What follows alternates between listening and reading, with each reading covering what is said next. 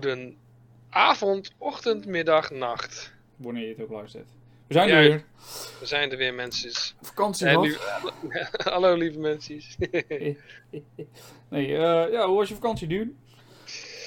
ja, gewoon. Ik ben eh, lekker eh, een stukje naar Frankrijk en toen. nee, ik heb eh, nog flikker gedaan.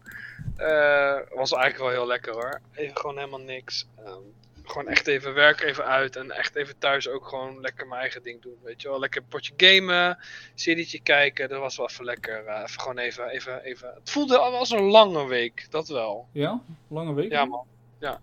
ja, dus ik heb wel gewoon lekker een beetje eigenheimer, gewoon mijn eigen shit gedaan, maar was wel oké. En hoe was jouw eh, vakantietje, vriend? Eh, ik heb geklust, man. Ja, wat heb je gedaan? Ja, nou ja, ik, ik heb mijn vrouw slapen op zolder. Ja. En ehm, normaal gesproken is eh, de zolder open, zeg maar. Dus eh, ik kijk gelijk op de trap, dan moet je naar beneden. Dus ik heb eh, in dat opzicht is er geen blokkade voor, voor eventuele kinderen om naar boven te komen, als je begrijpt wat ik bedoel. Ja. Dus, eh, maar dat hebben we echt al heel lang. En de, de vaatwas, of de vaatwasser, de wasmachine en de droger, die staan ook bij ons op de kamer.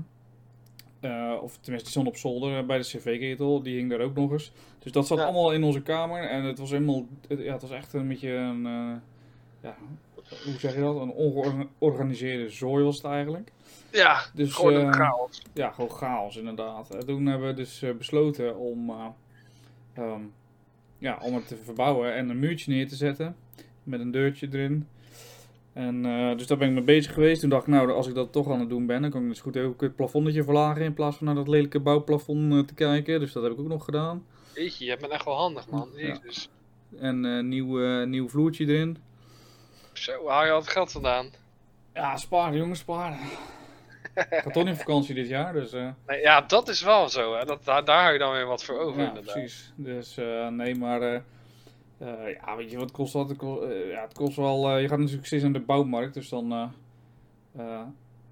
dat kost wel geld, zeg maar. Maar ja, ja ik weet het niet. We, we hadden wat gespaard, dus we konden ook wel wat leiden. Het is nu weer op, maar goed, maakt niet uit. Dus, maar ja, het is een hele mooie kamer geworden. Het is helemaal rustgevend en mooie nieuwe meubeltjes erin, weet je wel. Dus ja, dat is lekker. Was, was, ik had wel echt. Ik had. Ja, ik had zoveel. eh, ik had echt heel veel wondjes op mijn handen natuurlijk. Van, eh, dat- ik, ik kan mezelf gewoon. Ik kan niet klussen zonder mezelf pijn te doen. Ja. Maar je weet toch, onze werktelefoons kun je unlocken met je vingerafdruk. ja, dat kon niet meer, zeker. Nee, dat kon niet meer. Mijn vinger was zo glad ge. ge ja, weet ik veel, geschaafd of zo. Dat ik gewoon mijn telefoon kon ik niet meer unlocken. en nu, inmiddels wel? Ja, nu kan ik het weer wel. Maar ja, je kan het natuurlijk ook met je wachtwoord doen. Maar dat is fucking irritant. Ja, Dus, maar nu kan ik het gelukkig weer met mijn vinger doen, dus dat is, eh, dat is weer opgelost. nice, nice, nice. Ja, ja, ja. Ja, ja, ja. Hey, eh, ja, er zijn. eh, nou, we gaan toch even naar de orde van de dag, denk ik. Hè? Het Ja. nieuws. Gaan we doen. Ja, we zitten nog steeds in de corona. eh ja, het coronatijd zou ik wel even noemen. En dat gaat ook nog niet helemaal voorbij. Nou weten we wel dat waarschijnlijk tussen aanhalingstekens 1 eh, juni dat wij waarschijnlijk weer les moeten gaan geven. Ja, Ehm, dat doen we al natuurlijk, maar eh, in, in, real, in real life natuurlijk. Ja, ja, ja, goed. Natuurlijk zal dat wel met grote voorwaarden zijn. Hè? Ja, Eh, want wij, ja, wij, wij zijn ook natuurlijk nog steeds eh, in die zin vatbaar voor de ziekte, zou ik maar even zeggen. Dus Ja. ja, dan moet, hoop ik dat men daar wel rekening mee gaat houden. het is ook raar natuurlijk, eh, want zeg maar, ouderen die mogen hun eh, kleinkinderen niet zien. Maar er zijn dus ook echt leerkrachten die dus wel tussen de rond de 60 65 zijn. En die mogen nu dus wel leerlingen lesgeven, maar die mogen niet hun eigen kleinkinderen zien. Dat is natuurlijk wel Ja. een beetje gek. Ja, en dan moet je ook nog eens voorstellen dat als jij als docent leerlingen lesgeeft, dat jij daarna dan je, weet ik veel, naar je vader of moeder gaat. Om, weet ik veel, even helpen met boodschappen. En dan kan jij zodoende ook weer die ziekte doorgeven. Ja, ja precies. Het is, het is wel... eh, Ik weet niet wat ik ervan moet vinden, man. Ik vind het toch gewoon best wel risicovol. En ik denk ook dat het ermee te maken heeft bij mij dat ik gewoon vind dat mijn lessen digitaal best wel oké zijn. En dat ik dan denk van ja, maar waarom doen we het nu gewoon omdat het veilig is even niet langer zo? Maar ja, goed. Ik denk niet dat dit in elke situatie dat dat haalbaar is. Nee, nee. ja, En ehm, er zijn ook, ja, gaan natuurlijk ook heel veel, hoe zeg je dat? Eh, ge- Geluiden op van, ja, weet je, gooi het allemaal weer open. Er zijn natuurlijk heel veel mensen die, eh, die bepaalde gebieden werken die echt afgesloten zijn nu ook van inkomsten en dat soort dingen. Ja, Dus daar hoor je ook weer de roep terugkomen van, ah ja, ga, we moeten alles opengooien. Nou ja, ik vind het eh, altijd lastig. ja ik, eh, ik vind het ook lastig, want als je ziet, eh, ik vertelde je ook een verhaal aan eh, vandaag. Dat een goede vriendin van mij, dat haar opa vorige week begraven is door corona. En dat, dat ze mij ja, liet weten dat gisteren of eergisteren, dat ze zei, ja, nu is mijn oma ook overleden. Ik denk, ja, weet je, dat is dan wel de realiteit waar we in komen. Hè? Als je zegt, gooi alles open, dan gaat dit weer gebeuren. Ja, ja, en we hebben al een re- een redelijk hoog sterftecijfer in vergelijking met, eh, met, de bevolking, eh, met de bevolking, zeg maar, op 100.000 eh, inwoners. Ja. Zitten we al Klopt. vrij hoog. Ja, we zitten vrij hoog, ja. Dus ja, ik vind het lastig hoor. Ik vind het lastig. Ik snap wel dat mensen natuurlijk hun economie weer draaiende willen krijgen, hun bedrijven. Maar ik, ik hoor ook weer dat het in Nederland juist weer heel erg meevalt, eh, de economische schade. Omdat we eigenlijk, we hebben geen lockdown zoals in Spanje of Frankrijk, waarbij je dus eh, echt niet naar buiten mag bijvoorbeeld en eh, winkels Ja. echt dicht moeten zijn. Want in, in Nederland heb je dan toch nog relatief wat vrijheid, zeg maar. Ja. Dus het is wel, ja, ik vind het wel dubbel. Maar goed, eh, ja, ik vind het wel, ja, ik kijk wel eens op Twitter natuurlijk, moet je eigenlijk niet doen. Maar eh, wat, een, eh, wat een gekken er eh, rondlopen die dan, eh, ja, we leven in een dictatuur en dat soort dingen. Ja, dat is helemaal niet waar. Kijk, als, je, als je dat eh gaat roepen, dan heb je echt geen idee wat een dictatuur inhoudt. Nee, dat, dat, dat is echt waar hoor. Want de dictatuur is iets heel anders, man. Ja. Dan had je helemaal niet de keuze gehad om een, eh, ja, een intelligente lockdown, zoals ze het noemen, te leven. Dan was het allemaal keihard dicht. En dan had je waarschijnlijk nu al gewoon weken echt thuis gezeten zonder buiten te zijn. Ja, ja ik denk, ik, ik, eh, vind dan, ik, vind al, ik word altijd wel blij als mensen roepen dat ze in een dictatuur leven. Want dan denk ik, nou dan leven we in ieder geval niet in een dictatuur. Want als dat wel zo zou zijn, dan, eh, ja, dan zou je de volgende dag doodgevonden worden natuurlijk. Als je commentaar hebt op de overheid. Dus, eh, ja. Ja, precies. dus in dat opzicht eh, ben ik daar dan wel blij om. En er zijn natuurlijk ook zat mensen die denken weer dat van het 5, eh, 5G komt, hè. Ja, dat is eh, ook weer zo'n mooi verhaal inderdaad. Oh, mijn hemel. Ja, ja. Ja, ik heb daar ook niet zoveel over te zeggen. Want ik denk, ja, weet je, ik, ik vind het best goed dat mensen een vraagteken zetten bij zoiets als 5G. Van joh, is dat wel goed voor je, et cetera. Maar de manier waarop daarmee omgegaan wordt, vind ik niet oké. Nee. Weet je, als jij zoiets zegt van ja, ik, ik, ik vind dat. eh, ik heb daar mijn vraagtekens bij. Nou, ga dan even serieus dat op een andere manier aanpakken dan op die manier. Ja. Ja, maar dat is lastig natuurlijk. Ik zag ook dat, dat ze in eh, Duitsland ook eh, nog de straat op zijn gegaan. Dat was niet zozeer om 5G volgens mij. Maar dat was wel... eh, Tegen de ja, coronamaatregelen. Ja, tegen de lockdown, hè, die maatregelen. Dus ik vind het, het is een bijzondere tijd waarin we leven. Voor, eh, voor, voor ons geschiedenisdocenten is het natuurlijk wel interessant. Want het is iets Ja. wat je natuurlijk weer terugkrijgt in, eh, in de geschiedenisboeken. Ja. Dus, Zeker. ja. zeker. Hey, maar Hey, is ook, hebben eh, we de- nog. eh, nou, oh, dus, dus, er is ook Nou, leuk nou. nieuws, zeg maar. Eh. Het is niet alleen coronanieuws. Er is namelijk ook eh, eh, in Bulgarije eh, zijn eh, de oudste resten van de anatomische moderne Europese mens gevonden. oh, dat heb ik nog niet eens gehoord. Vertel, vertel, vertel. Het is ook eh, vers van de pers eigenlijk, 42 minuten geleden, dus dat is wel heel wauw. vers. Maar eh, in een grot in Bulgarije hebben onderzoekers eh, minstens, een, minstens 42.000 jaar oude eh, resten gevonden van een, van, van een Homo sapiens. Ah, dat is vet. Dus het zijn zeg maar resten van een Homo sapiens natuurlijk, maar, en, maar het zijn echt de oudste die, die ze ooit gevonden hebben. Oh, wauw. Dus ehm, ehm, ja, de fossielen die, die, die zijn dus gevonden in de grot. De grot heet Bachokiro, als ik het goed uitspreek. Bachokiro, ik weet niet hoe je, of ik het goed uitspreek, maar de, eh, Ja. de mensen die, eh, die daar dus gestorven zijn, die behoren tot de vroege eh, mensen die migreerden van Afrika naar, naar Euro-Azië. En zij, Ja. zij leefden naast een Neandertaler die eh, 8000 jaar later verdween uit Europa. Dus ehm, ze zijn wel Ja, ik heb- Ja. Ja, ik had, ik had ook nog wel een nieuwtje als jij klaar bent. Sorry, jongen. Eh, ik, ik maak nog even mijn verhaal af. Oké, oké. oké. Nee, maar eh, de, de, de resten zijn wel te beschadigd om ze echt eh, een uiterlijk te kunnen geven, zeg maar. Mhm. Ehm, en ehm, ja, de, de, schijnbaar leerden de mensen ook van de Neandertaler om bijvoorbeeld vuur te maken. Eh, en, en gereedschappen. Dus eh, dat leerde de Homo sapiens van de Neandertaler, die daar natuurlijk al een tijdje mee bezig was. Ja. ja, dat zit er dan wel in, inderdaad. Dat zou kunnen. Ja. Nou vet man. Ja, nou, als we het toch over hebben, eh, over eh, ja, ontdekkingen, zou ik maar even zeggen. Ik had ook nog een maat van mij, die stuurde mij ineens een bericht uit een, eh, van een, een, een, ja, een, een, Belgisch nieuwszender, VRT geloof ik. En dat ging over het feit dat er een, een historicus, die had, heeft, ehm, ja, die heeft zeg maar de belangrijkste middeleeuwse stad ontdekt, waar je nog nooit van hebt gehoord, zeg Oh. Oh, En ik dacht ook van, ehm, oké, dit is wel een hele pakkende titel. Maar het gaat er dus om dat eh, eh, de wereldstad Magas, eh, die is na 200 jaar dus blijkbaar ontcijferd door een, een historicus aan de Universiteit van Gent. En hij zegt dat hij die heeft gevonden. En dat hoofdstad Magas was dus de stad van het Koninkrijk Alanië. En die, die was dus zo belangrijk, en ik zal je vertellen waarom. Die, die was gekoppeld, die koppelde eigenlijk het Euro- Europa aan Azië. oh, Want het was de belangrijkste schakel in de zijderoute van de Middellandse Zee naar het oosten van Azië. een soort eh En- Constantinopel-achtig. eh. Ja, ja, precies. Maar dan eh, waarschijnlijk ja, de, route, zeg maar de, de stad die echt op de route lag, zou ik maar even zeggen. Want op zijn hoogtepunt wordt gezegd dat Magas dus groter was dan steden als Gent en Londen en Venetië op dat moment in de wereld, zeg maar. Oké. Snap je? Dus Ja. de, ste- de steden die toen zo groot al waren, daar was Magas nog, nog groter. Vet. Ja, en ze wisten dus nooit waar dat ongeveer lag. Maar het ligt dus geloof ik tegen Rusland aan. Ehm, volgens mij, ik weet niet of het nou in... Ja, volgens mij was daar nog heel veel eh, ophef over. Dat mensen die daar al op, naar op zoek waren... eh, dat waren dus eigenlijk mensen die afstamden van, ja, van dat volk. Eh, ja, die hadden iets met Rusland dat ze heel graag dat gebied wilden hebben. Maar volgens mij ligt het in Rusland of iets in die richting.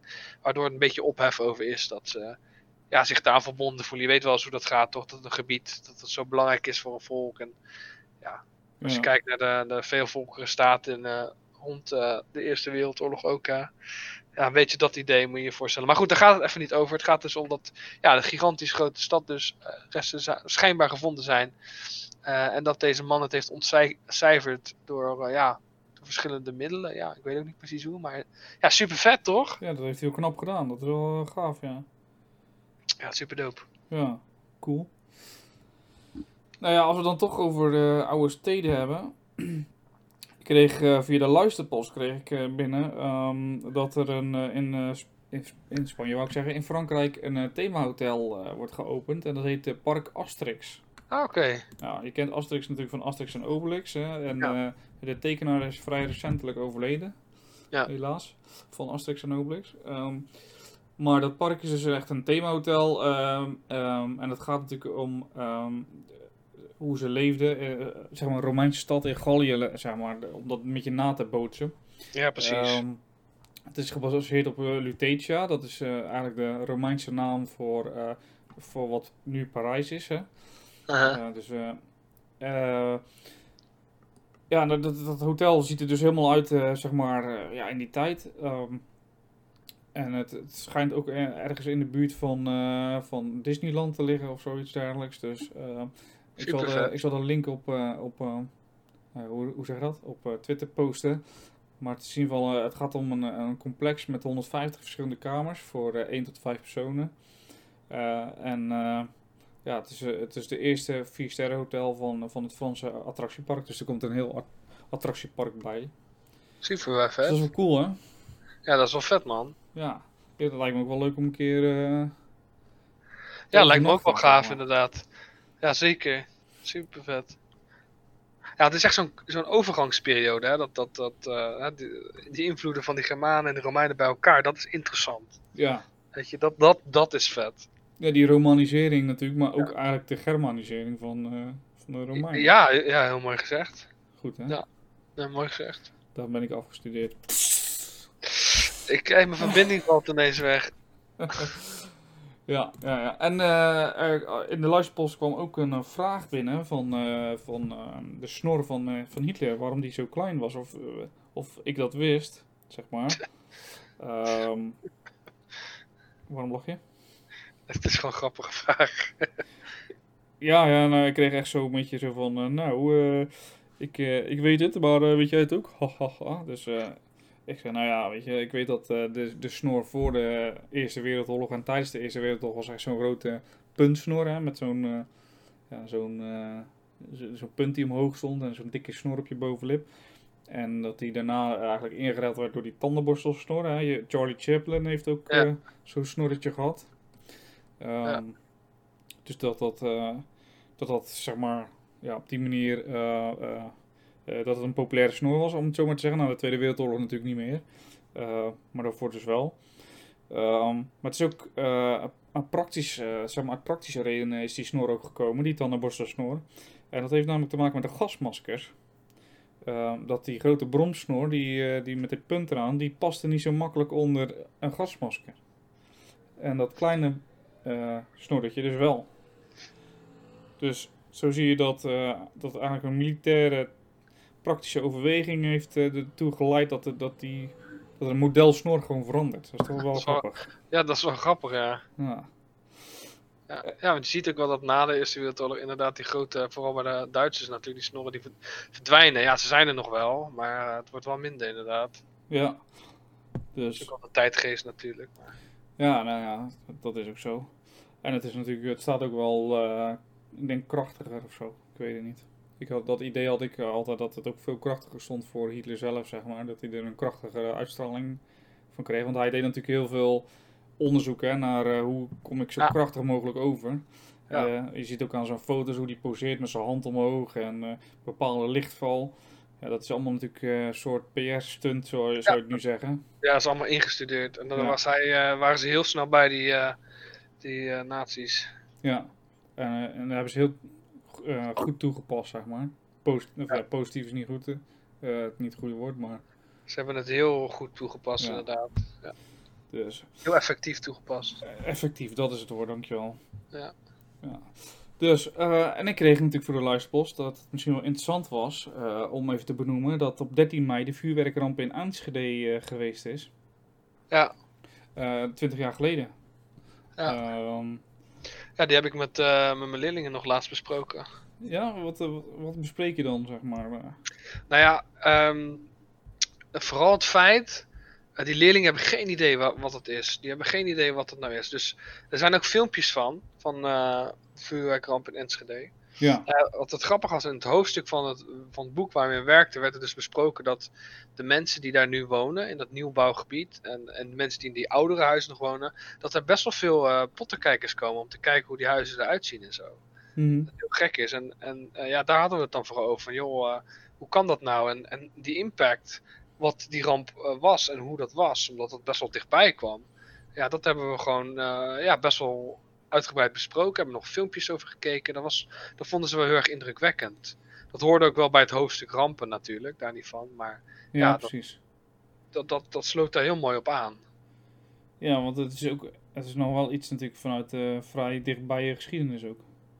Ja, precies. En wij, wij hebben dat op tv gezien. Ja, Eh, en die leerlingen hebben geen besef wat het nou was. En ja, het is echt een gigantische ramp geweest. Ja, eh, ja het was echt ook, eh, het was wereldnieuws en heel, eh, het was denk ik wereldnieuws ook eigenlijk wel. Zeg maar, het was niet Ja. eens volgens mij alleen in Nederland, eh, Nee, denk Ja. het ook niet. dus dat is ook wel, ja, heavy shit natuurlijk. Ja. Hey, wat, weet je, we, vergeten natuurlijk iets heel belangrijks en dat is eigenlijk eh 4 en 5 mei, want hoe heb jij dat beleefd zo in, in deze tijd? Eh, nou ja, ik, eh dat is goed dat je dat zegt. Ik moet eerlijk zeggen dat ik er niet op uit ben geweest of zo. Ik heb het er wel met mensen over gehad. Eh, en het is wel grappig, want op een of andere manier denk, ja, denk, en dat vind ik wel heel fijn en heel, heel, heel tof, dat mensen denken dat ik daar dan echt heel erg mee bezig ben, omdat ik geschiedenisdocent ben, weet je wel. Nou ja, dat is ook wel zo, maar het is nou niet dat ik ja, overal ben of zo. Weet je wat ik bedoel? Ja, ja ik snap wat je bedoelt. Ja, maar ik vind dat wel heel tof dat mensen mij daar dan voor, voor aanspreken. Dat vind ik altijd wel leuk om even een gesprek over te hebben. Maar eh, ja, de, de speech van de koning, dat was wel heel tof. Vond ik ook indrukwekkend, ja. Bizar, hè? Ja, Echt het is ook gewoon. de eerste keer dat het natuurlijk voor is gekomen ook, hè? Ja, ja hij is echt goed bezig, deze... eh, onze Willem. Onze Willem, ja. Serieus.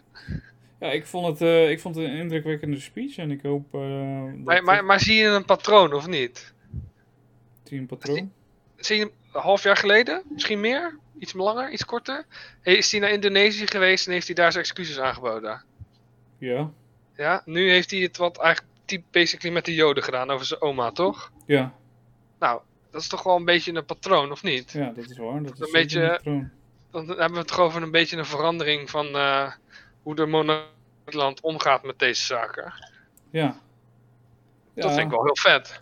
Ja, dat is nu je het zegt zo, eh, inderdaad. Ja. Wauw.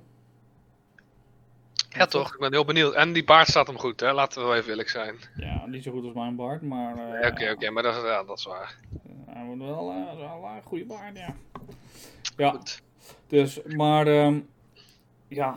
Zullen we, zullen we even doorgaan naar de, de belangrijke Nou. momenten? Voordat we dat doen, Oh. hoe was jouw 4 en 5 mei? Mijn vier, oh, mijn, ja, mijn vier, ja, ja, ja. Ik verplicht mijn kinderen altijd tot twee minuten stilte.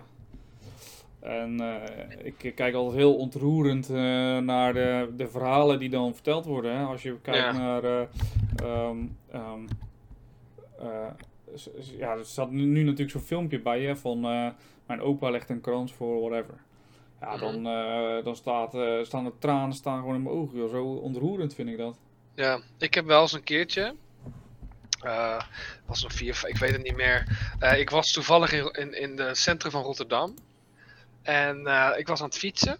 En ik fietste langs het standbeeld van.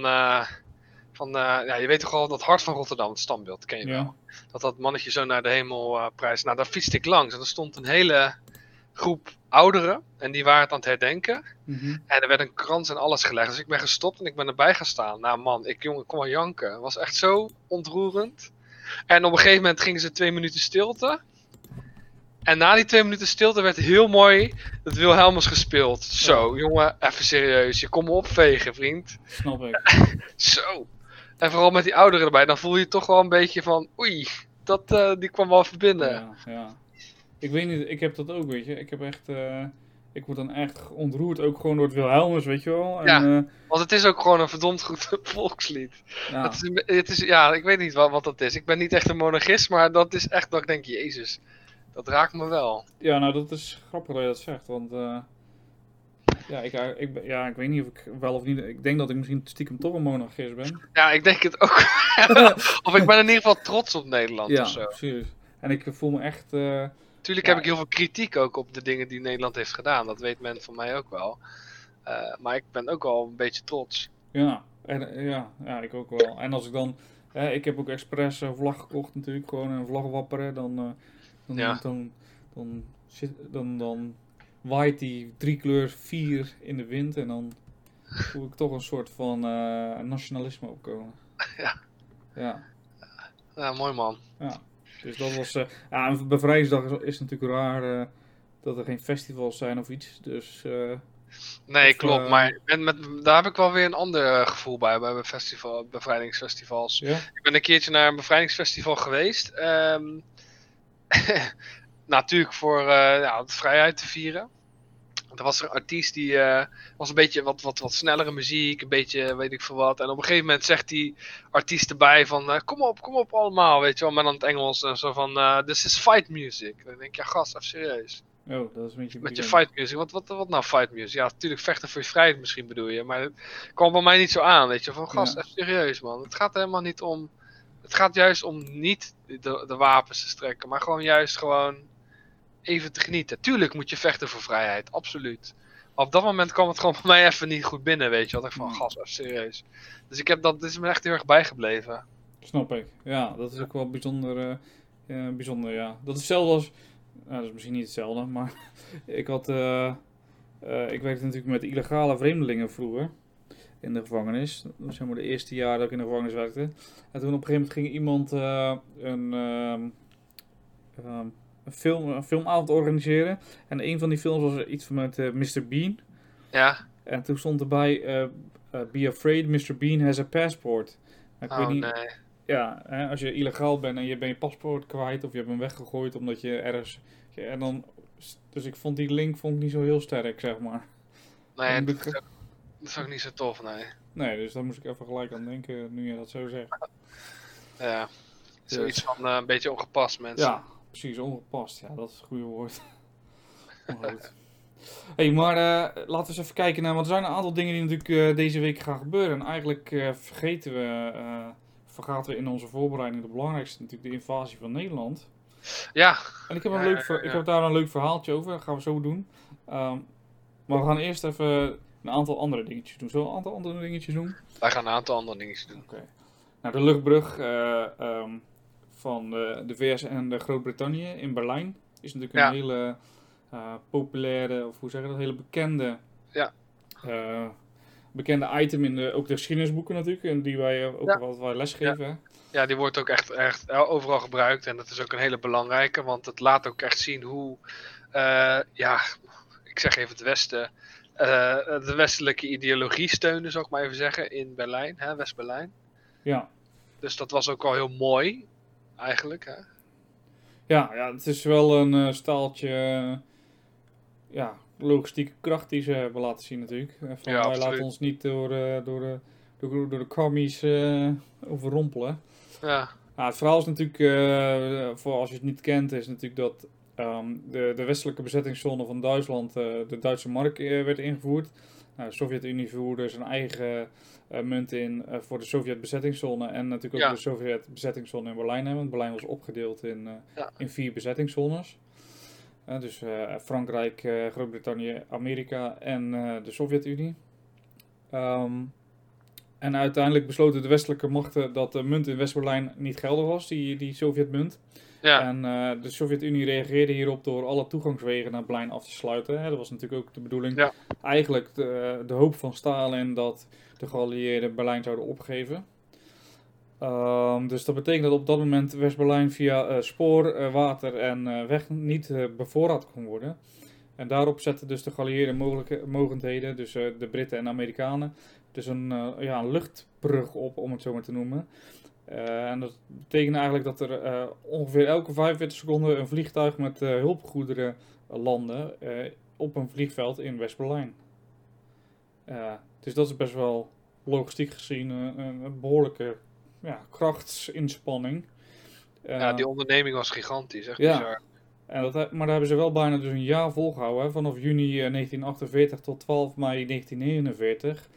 Ehm, ja, werd dus die, eh landde er elke 45 seconden een vliegtuig met eh, goederen in, eh, in West-Berlijn. Mhm. En omdat, ja, omdat dat dus zo lang volgehouden werd, besloten uiteindelijk de Sovjets besloten uiteindelijk die blokkade op 12 mei dus op te heffen. 1949. eh, wat dus een soort van overwinning was natuurlijk voor, ja, voor de, de geallieerden. Ja. Dus, ja, ik vind het altijd wel interessant. Ik moet zeggen dat in de opleiding die we hebben gehad, kwam deze niet zo, niet zo naar voren, vond ik. Voor, wat voor, vond jij dat? Nee, klopt. Eh, ik vond hem ook niet zo heel veel naar voren. Ik vind sowieso dat we die tijd niet echt heel erg veel over hebben gehad. Eh, over, Misschien- eh, Misschien omdat ze zoiets hadden van, zoiets hebben van. Ja, dit we- is heel recentelijk Ja. of zo. ja of meer van. het is al zo, er, is al, er wordt al zoveel verteld over de Tweede Wereldoorlog. Ik weet het niet. Maar ik vind het bijzonder aan die opleiding is dat dit, dit is wel, wordt wel het meest gevraagd in lesboeken, weet je wel, Ja. voor de bovenbouw. En het komt, ja, komt naar mijn idee weinig of te weinig voor in de lessen, zeg maar. Die Ja. wij Ja, daar ben ik helemaal mee eens, ja. ja. Nou, de volgende is natuurlijk, eh, de volgende datum, eh, 13 mei 1619, is natuurlijk iets wat ons aan het hart gaat, hè, als eh, raadspensionarissen. Ja, ja, eh, klopt. Ja, meneer Van Oldenbarneveld, die eh, wordt eh, om het leven gebracht, hè? Ja, Eh, ja, het is ook een raadspensionaris. En het is eh, natuurlijk wel een stukje voordat eh, Johan. sorry, ja. Ja. Johan de Wit, ook een Johan. Ja, ik moest even denken. Ja, ook vermoord wordt, zou ik maar even zeggen. Ja, hij werd natuurlijk veroordeeld wegens land- en hoogverraad. Wat natuurlijk heel bijzonder is, want ja, deze man was natuurlijk gewoon een staatgezinde, zou ik maar even zeggen. Hè? dat was voor mij ook de eerste raadspensionaris Ja. van, van de provincie, van de zeven Verenigde Provinciën. Mhm. Nou ja, het grappige is inderdaad, toen dat 12-jarige bestand dus eh, inging, nou ja, moeten we even terug naar 1609, eh, werd de relatie tussen Maurits, dus Maurits van Oranje en eh, Johan van Oldenbarneveld slechter. Hè? Ehm, want Maurits is natuurlijk, ja, hij is natuurlijk de legerleider als stadshouder. En hij wil de strijd voortzetten, ehm, omdat hij natuurlijk zijn positie wil behouden. En van Oldenbarneveld, eh die wilde die die strijd dus tijdelijk staken om de handelspositie van de republiek te verstevigen. Nou, dan zie je al dat dus die contra-remonstranten en die remonstranten weer lijnrecht tegenover elkaar komen staan. Uh, ja, en, en, eigenlijk, even kort gezegd, wordt hij natuurlijk daardoor uh, ja, in die positie gebracht. Hè? Dat hij eigenlijk wordt gezien als een, als een landverrader en uh, ja, wegens hoogverraad dus wordt vermoord. Ja, ja, dat klopt, ja. ja. Dat is uh, bijzonder natuurlijk, hè? want je hebt die, dat conflict van die remonstranten en contra-remonstranten natuurlijk. En dan uh, kiest Maurits eigenlijk de verkeerde, de contra-remonstranten. Misschien dat, uh, Ja. of, um, hoe heet die? Van Oldenbarneveld kiest natuurlijk de contra-remonstranten. En Maurits die kiest de, re de remonstranten. Um, en uiteindelijk met de synode in Dordrecht uh, wordt besloten dat eigenlijk de remonstranten gelijk hebben. En Maurits uh, besluit daar op Oldenbarneveld, zeg maar, uh, ja, inderdaad voor hoogverraad en landverraad ja. te pakken. En dat was natuurlijk heel fijn, want daardoor heeft hij dus zijn grootste politieke tegenstander uit de weg geruimd. Ja. Wat heel bijzonder was, want volgens mij waren ze daarvoor echt vrienden, zeg maar, goede vrienden. Ja. Dus ja. Ja. Maar goed, ja, zo zie je wat een uh, geloof kan doen, hè? Absoluut, absoluut. Nou, de volgende, dat, die gaat mij wel heel erg aan het hart, dus die mag jij even inleiden. Ja? Ja. Ja, 14 mei 1940, hè, de inval in Nederland is op uh, 10 mei 1940. En 14 mei 1940 wordt uh, het hart van Rotterdam gebombardeerd en bijna compleet vernietigd door de Duitsers. En uh, er, komen, ja, er komen ongeveer 850 mensen om het leven en zeker 25.000 woningen en 11.000 andere panden worden dus vernietigd. Uh, het leidde ook tot capitulatie.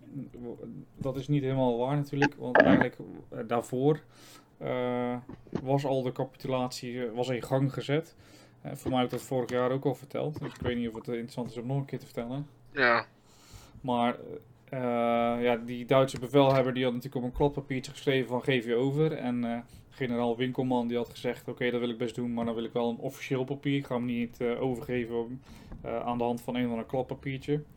Ehm, en terwijl dat proces dus aan de gang is, gaan die bommenwerpers de lucht in. Ja.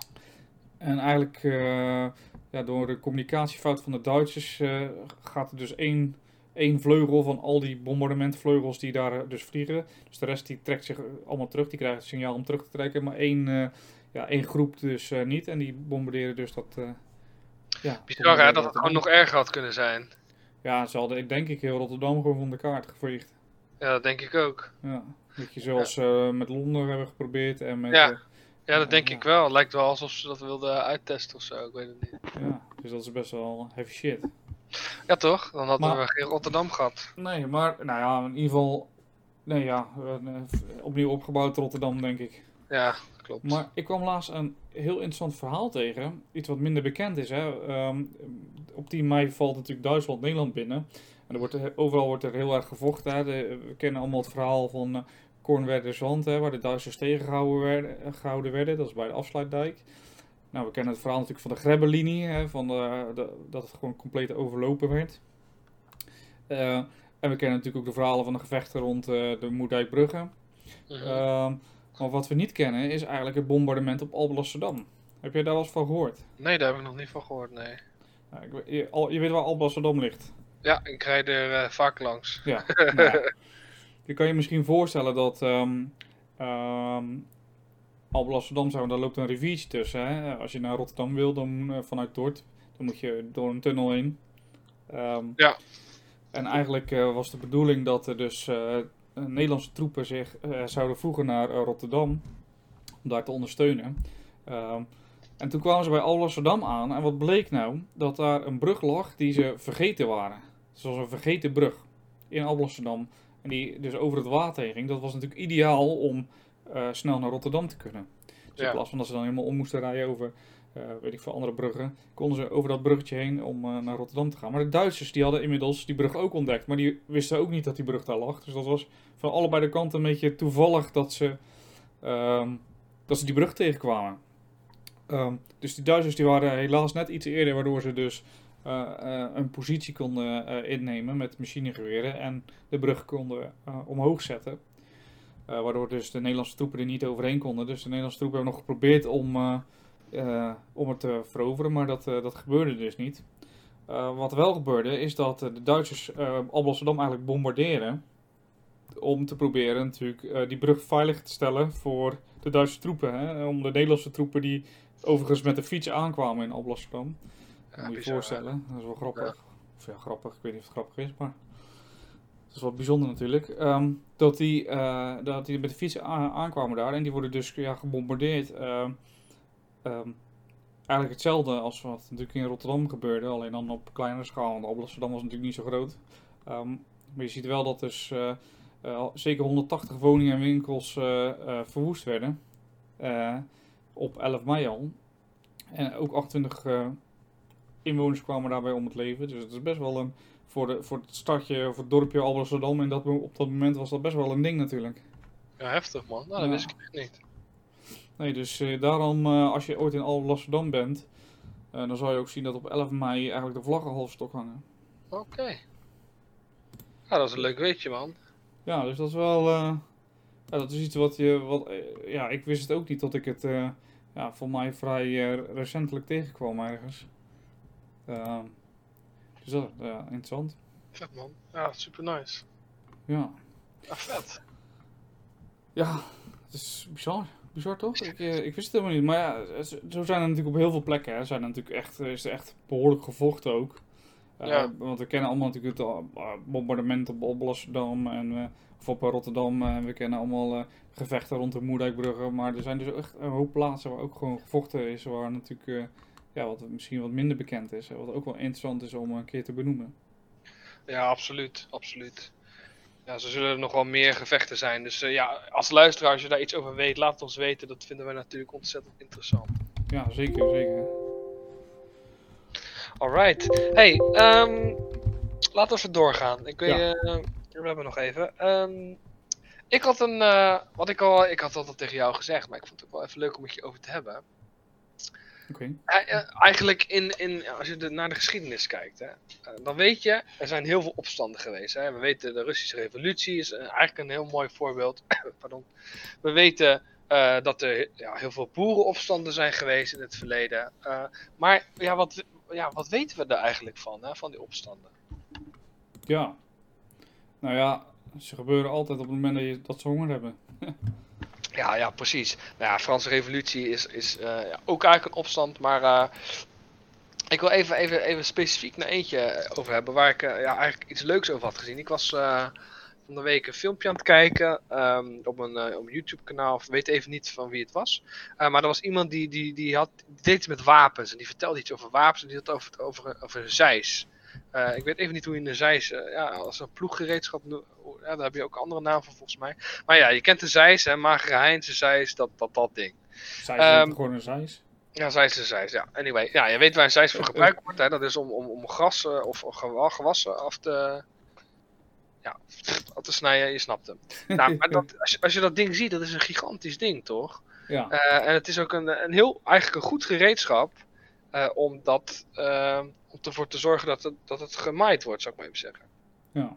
Maar ik las dus een. eh, hij liet dus ook iets zien. En dat, dat ging dus over een, een, een vrouw, Emilia Pleter heet ze. Dat was dus een, volgens mij een, niet een Rus, sorry. Een, een, Poolse. Of, oh, ja, Pools is ze volgens mij. En die leidde dus een, een, revolutie. Ehm, en het grappige was over deze revolutie is dat. Dat de revolutionairen, nou komt hij ja, met welke wapens liepen ze? ja. Ik gok met een zeis. Ja, klopt. Anders Dus was jouw hele intro namelijk een beetje kut. Ja, maar dat, ja, precies. Maar dat, dat, ik vond het zo indrukwekkend. En kijk, het waren natuurlijk niet allemaal die zeizen zoals je ze voor je ziet. Want wat deden ze? Waren ze heel, heel ingenieus eigenlijk. Hè? Want een zeis, om zo mee te vechten, dat, dat schiet niet op. Dat werkt gewoon niet. Dus wat deden ze? Ze zetten zeg maar die, die, die, die, dat mes, dat, zetten ze, dat draaiden ze 90 graden alsof het een soort van speer werd. Eh, en eh, ja, dat zetten ze dan zo vast. En dat was eigenlijk vrij goedkoop om te doen. Waardoor dus eigenlijk een soort van burgermilitie kon ontstaan van allemaal eh, boeren. En ja, die allemaal dus te strijden trokken met deze vrouw. En ja, er is dus één schilderwerk van en die is echt heel erg indrukwekkend. Eh, en die zouden we even moeten delen via de Twitter. Die vond ik echt heel vet. En die heeft me eigenlijk wel een beetje doen nadenken dat ik wel wat meer wil weten over deze, ja, over deze revolutie, zou ik maar even zeggen. Dus ik, heb wel, ik ben er wel een klein beetje ingedoken, maar ik ben er nog niet helemaal uit. Mhm. Eh, maar ja, waar, waar gaat mijn verhaal nou naartoe? Van, joh, we zouden het eigenlijk eens over revoluties moeten hebben. Maar dan heb ik het niet over de Russische revolutie, de Franse revolutie. Maar echt gewoon een- van die opstanden waar we zeggen... hé, hey, dat is nou echt een interessant onderwerp om over te praten. Dus ja, eigenlijk wilde ik even met jou erover babbelen. Heb jij... eh, Ken jij een opstand? Weet jij een opstand? Vind je een... eh, Nou, kijk, als we dan toch eh, het over Nederland hebben. Oké, ik weet niet wanneer. we hadden het natuurlijk over Nederland, over trots voor zijn, natuurlijk, eh, vaderland, nationalisme. Dan, dan springt het mij in combinatie met opstand, springt mij één opstand naar boven. Ik weet niet of je, of je weet over welke opstand ik het dan heb. ja, ik heb een vermoeden. Ik heb een vermoeden. Ja, wat uh, noem hem? Zeg nee, kom, nee. Ja, nou, dan ben ik nieuwsgierig ook. Nee, nee, nee, nee, nee, nee, nee. nee. Oké, nou, dan heb ik het natuurlijk over de Bataafse eh, opstand tegen de Romeinen. Ja, dat is wel eentje waar we ons nationalisme een beetje op gebaseerd hebben. Hè? Dat... totaal eh, onlogisch en totaal niet van toepassing eigenlijk. Ja. we hebben totaal geen binding met de Bataven eigenlijk uit die tijd. Maar ja, we zien natuurlijk die Bataafse opstand eigenlijk als... eh, en die, dat volk, dat Bataafse volk zien wij, eh, of de, ja, die, eh, die clan, of wat is, wat is het? Een, stam, dat- ja. ja, stam inderdaad. Zien wij eigenlijk als onze voorouders. Hè? Het wordt niet veel beschreven in, in de Romeinse geschiedenisboeken. Eh, behalve dan dat het hele goede zwemmers waren. Het was een volkje dat, wo- dat woonde bij Nijmegen. En Nou, dat klinkt als, als een Hollander, toch?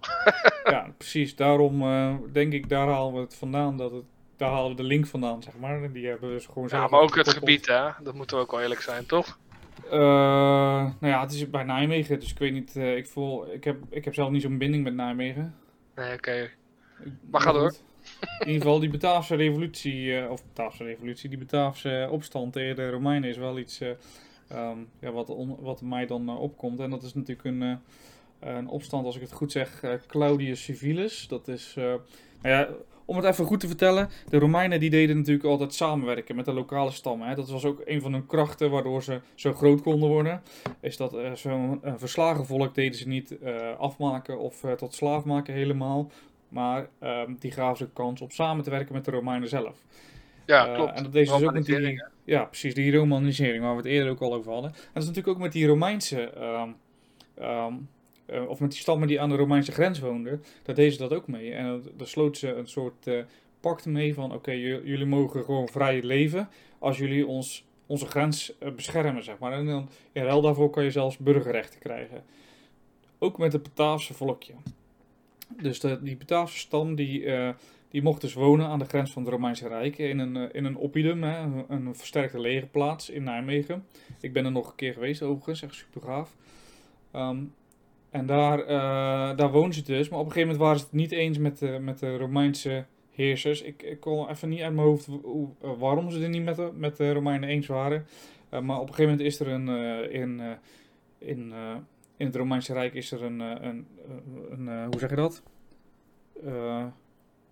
Een burgeroorlog, zeg maar. Tussen, Ja, dat tussen twee vaker, hè? leiders, zoals, ja, zoals inderdaad vaker. Dus die Bataven die ruiken hun kans schoon en die eh, gaan dus in opstand tegen eh, dat Romeinse garnizoen wat bij hun eh, in de buurt is. En die maken dus dit, dat Romeinse garnizoen af en die uniten nog een paar andere stammen, die voegen ze toe. En dat is dus een Bataafse opstand. En later zie je dat dus ehm, ehm, op een gegeven moment die, die dingen afgelopen is. Hoe heet die? Die, die, die burgeroorlog is afgelopen. En dan zie je dus dat eh, de nieuwe keizer uiteindelijk natuurlijk die, eh, die Bataafse eh, gasten, die Bataven, die opstand neerslaan. Die opstand was ongeveer ehm, waarschijnlijk tussen 69 en 70 na Christus. Dus ehm, ja, dat is eigenlijk de opstand die mij dan even te boven schiet. Ja, ja, ik moet zelf ook denken. En dan, eh, we gaan nu al heel snel ook naar, echt naar grote opstanden. Moet ik ook denken aan China.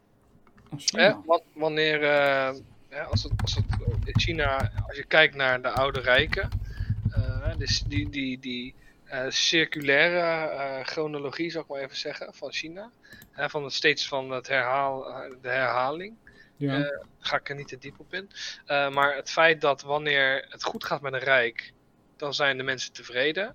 En wanneer de oogsten falen en een natuurramp ontstaan, dan zie je dat de- het volk eigenlijk als gewoonte, op een of andere manier, kijken naar de leider als schuldige van deze oorzaken. En op dat moment zie je dat die hongersnoden er ook toe leiden dat heel veel volk, eh, heel veel van die eh, mensen eigenlijk in opstand komen tegen hun keizer. Ik vond Mhm. ik ook wel eentje, daar moest ik ook aan denken. Van, joh, je ziet wel vaker dat. Kijk, honger ligt aan elke eh, grond van elke opstand, bijna zou je zeggen. Ja. Ja. Eh, maar ik weet niet, ik, vind dat, ik vond het ook wel echt zo'n typische. Dat ik denk, ja, dat is echt wel een, een, een mooie. Nou ja, ja, dat is het ook. Het is wel ja, grappig dat, je dat, eh, dat, je dat, dat jij daar daaraan denkt. Ja. ja, we hebben het er geloof ik ook het verleden een beetje over gehad in China. Hè, met de circulaire. Ja, ik ben het heeft- heeft een andere naam, maar ik noem het gewoon even circulaire chronologie. Gewoon- Ja, nou ja, ik, ik snap wat je bedoelt. Ja, het is die, die cirkel van Ja. eh, het gaat goed en dan op een gegeven moment komen natuurrampen en die... ja. eh, het is elke keer een cyclus, hè, van het gaat Ja. goed. Eh, op een gegeven moment ontstaan er natuurrampen, gaat het slecht met het oogst, de bevolking komt in opstand, een nieuwe keizer komt, een nieuw iemand komt aan de macht, wordt keizer en dan gaat het cirkeltje zo door, zeg maar. Ja. Ja, dat is grappig toch? Ja, precies.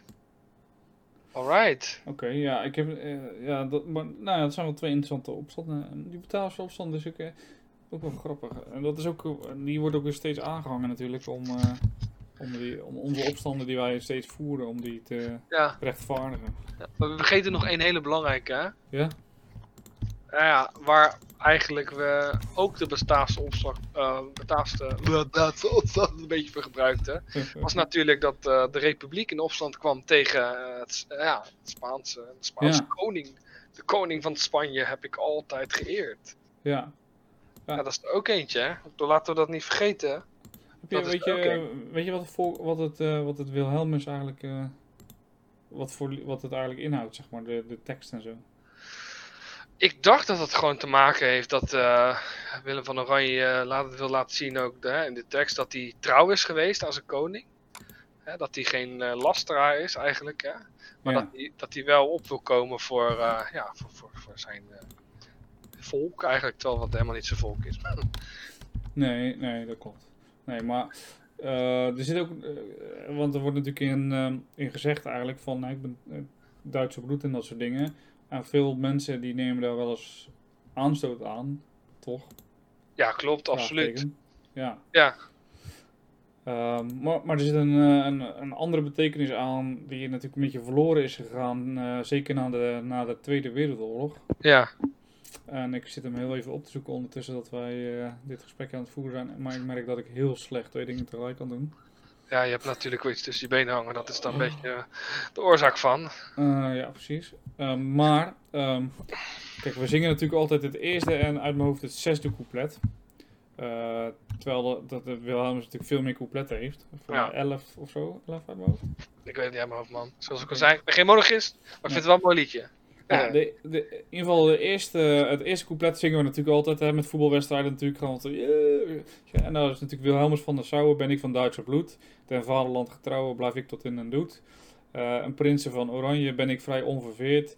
Eh den koning van Spanje heb ik altijd geëerd. Hè. Dat is natuurlijk de tekst van het, eh, van het eerste couplet. ja. En het, wat het nou eigenlijk betekent is... ehm ehm, Wilhelmus van Nassau, Nassau gaat natuurlijk over Willem van Oranje. ja, Eh, hij was natuurlijk graaf van Nassau, want hij, eh, want hij, eh, hij, hij erfde dat. mhm. Ehm, eh, dan krijgen ze de, tekst of de zin: Ben ik van Duitse bloed? Nou, dat is natuurlijk waar heel veel mensen natuurlijk op ageren. Van. Maar dat Ja. betekent eigenlijk, het Duits betekent daar eigenlijk Germaans. ja en klopt. zoals je natuurlijk wel weet, zijn wij eigenlijk gewoon Germanen. Hè? Wij Ja. Nederlanders ook. Ehm, je kan het zeg maar vergelijken met eh Diets of, of Dutch, zeg maar. De, de Engelse vertaling van Nederlander. Ja, want het grappige is, wanneer is dat, wanneer is dat lied geschreven eigenlijk? Eh, rond 1570. Ja, dat bedoel ik. Toen was er nog helemaal geen Duitsland. eh, laten we Nee. daar even op wijzen. Nee, precies. En het is. eh, dus die tegenstelling Duits-Nederlands was er dus eigenlijk helemaal niet. Dat is natuurlijk pas echt gekomen na de Tweede Wereldoorlog. Is natuurlijk die, die tegenstelling verhard. Hè? Want daarvoor waren we eigenlijk eh, altijd wel een, eh, een. Ja, toch altijd wel aan het handelen met Duitsland. Hè? We waren best wel, was best wel onze, een trouwe handelspartner, zeg maar, van Nederland en Duitsland. Ook tijdens de Eerste Wereldoorlog bijvoorbeeld. Ja. Eh, hè, zo hebben we ook natuurlijk die, ehm, de, de keizer, de laatste keizer van Duitsland, hebben we natuurlijk ook opgevangen. Ja, daar waren ook nog wel wat vraagtekens bij, geluk van de internationale gemeenschap. Maar ja, het is Ja. wel zo. Ja. Het is gebeurd. Dan krijg je natuurlijk de vaderland getrouwen. Nou, dat eh, is logisch, hè. Ehm, eh, wat wel grappig is natuurlijk, als we kijken naar 1570, dan hebben we het natuurlijk over centralisatiepolitiek. Dus je ziet dat eh, de, de tekstschrijver bedoelt eigenlijk de Burgondische Nederlanden. Eh, en hij, eh, je ziet dat aan het begrip eh, vaderland, dat, hij dan toch, eh, dat dat centralisatie en staatsvorming dan toch heeft geleid tot, eh, tot verbondenheid, zeg maar. Dat die, Ja. dat het toch wel gelukt is. Hè? Want ehm, daarvoor dus zijn natuurlijk eh, met de feudalisme en de nasleep daarvan zijn het allemaal losse gebieden. eh, waarna de koningen proberen die, die zooi te centraliseren. En je ziet dat dat dus toch ergens wel, wel gelukt is. En zeker als je nu kijkt, hè, dan weten we dat dat helemaal gelukt is. Zeker. Maar in die tijd was dat natuurlijk helemaal nog niet zo zeker. Uh, dus dat is het stukje Den Vaderland getrouwen. En dan heb je de prins van Oranje. Nou, dat is vrij logisch, hè. Um, maar hoe komt hij nu aan die titel, hè? Want dat is Willem van Nassau. Maar hij komt aan die titel omdat zijn oom uh, René van Chalon... die uh, overlijdt en daardoor erft hij het prinsdom uh, Oranje... wat in Frankrijk ligt. Nou ja, de titel van Oranje is uh, hoger dan zijn grafelijke titel. Dus bij de titel van Oranje wordt hij dan ook benoemd. Hè? Dus dat is dus de hoogste titel, daar, die krijg je altijd als eerst na de naam. Dus daarom wordt het, het familienaam wordt dan Oranje Nassau in plaats van Nassau. Ja. Nou ben ik vrij onverveerd. Dat betekent zoiets als heel erg dapper, hè? onversaagd. Nou, dat is wel logisch, denk ik. Uh, en dan krijg je het stukje den koning van Spanje. Uh, heb ik altijd geëerd, hè, krijg je dan. Nou, de koning van Spanje gaat natuurlijk om Philips II, die over Spanje regeert en nog allerlei andere uh, delen. Nederlanden, Napels, Sicilië, Milaan, een groot deel van Amerika, een stukje Filipijnen. Nou, hij wordt dus koning van Spanje genoemd omdat dat dus zijn hoogste titel was. Eigenlijk hetzelfde als wat je met Oranje hebt. En um, nou, heb ik altijd geëerd, dat is natuurlijk lastig, hè, want je Willem van Oranje die dan zegt van ja, je, die de opstand leidt, maar de koning eert. Uh, maar eigenlijk wilde Willem van Oranje altijd zeggen, weet je, uh, Philips II, ik respecteer jou, maar jouw raadgevers, die zijn gewoon slecht. En daartegen verzet ik mij, hè, tegen, het, tegen die raadgevers, waaronder bijvoorbeeld uh, Alva. Ja. ja, klopt, want hij is natuurlijk ook, hij, hij, is ook een gelovige man, dus hij wil ook zijn koning wel, hij wil ook trouw zijn aan zijn koning. En daarom zegt hij ook, ik ben, eh, dat wil dus ook zeggen, hij is trouw en ja, hij heeft koning altijd geëerd. Ja. Maar inderdaad, ja, hij was niet eens. Kijk, we kunnen nu wel zeggen raadgevers, maar het zal ook wel weer wel puur Philips zijn geweest uiteindelijk hoor. Maar... Ja, tuurlijk, maar hij moest het natuurlijk... Uh, ja. ja, precies. Zo, is, uh, zo heeft hij natuurlijk wel meer dingen gedaan. En zo schijnt hij eerst uh, katholiek te zijn geweest, toen werd hij protestants en toen ja. hij weer uitkwam werd het weer katholiek. Weet je. Het was natuurlijk geen heilig boontje en dat maken we natuurlijk wel van hem in, uh, in onze ja, geschiedenis. Maar ja. ja, hij was natuurlijk net zo geniepig en sneaky als de rest van de wereld. Het zou natuurlijk heel arrogant zijn om te zeggen dat hij dan dat niet was. Denk nee, ik. klopt. Klopt, klopt, klopt. Ik heb nog een laatste vraag aan jou, voordat we dit uh, moeten gaan afsluiten. Want waarom, waarom heeft Magerhein, we hebben het over de gehad, hè? waarom heeft Magerhein een Zeis, weet je dat? Ja, omdat hij uh, de zielen oogst van de overleden. Maar waarom een Zeis? Uh, weet ik veel. Omdat, Wat is de symboliek achter die Zeis, zeg maar? Ja, dat is, heeft toch eigenlijk wel met leven en dood te maken en eigenlijk weer groei van nieuw leven, of niet? Ja, je zit wel warm natuurlijk. Maar de zij symboleert eigenlijk het feit dat iedereen uh, de dood treft eigenlijk. Dus iedereen, ja. iedereen gaat dood.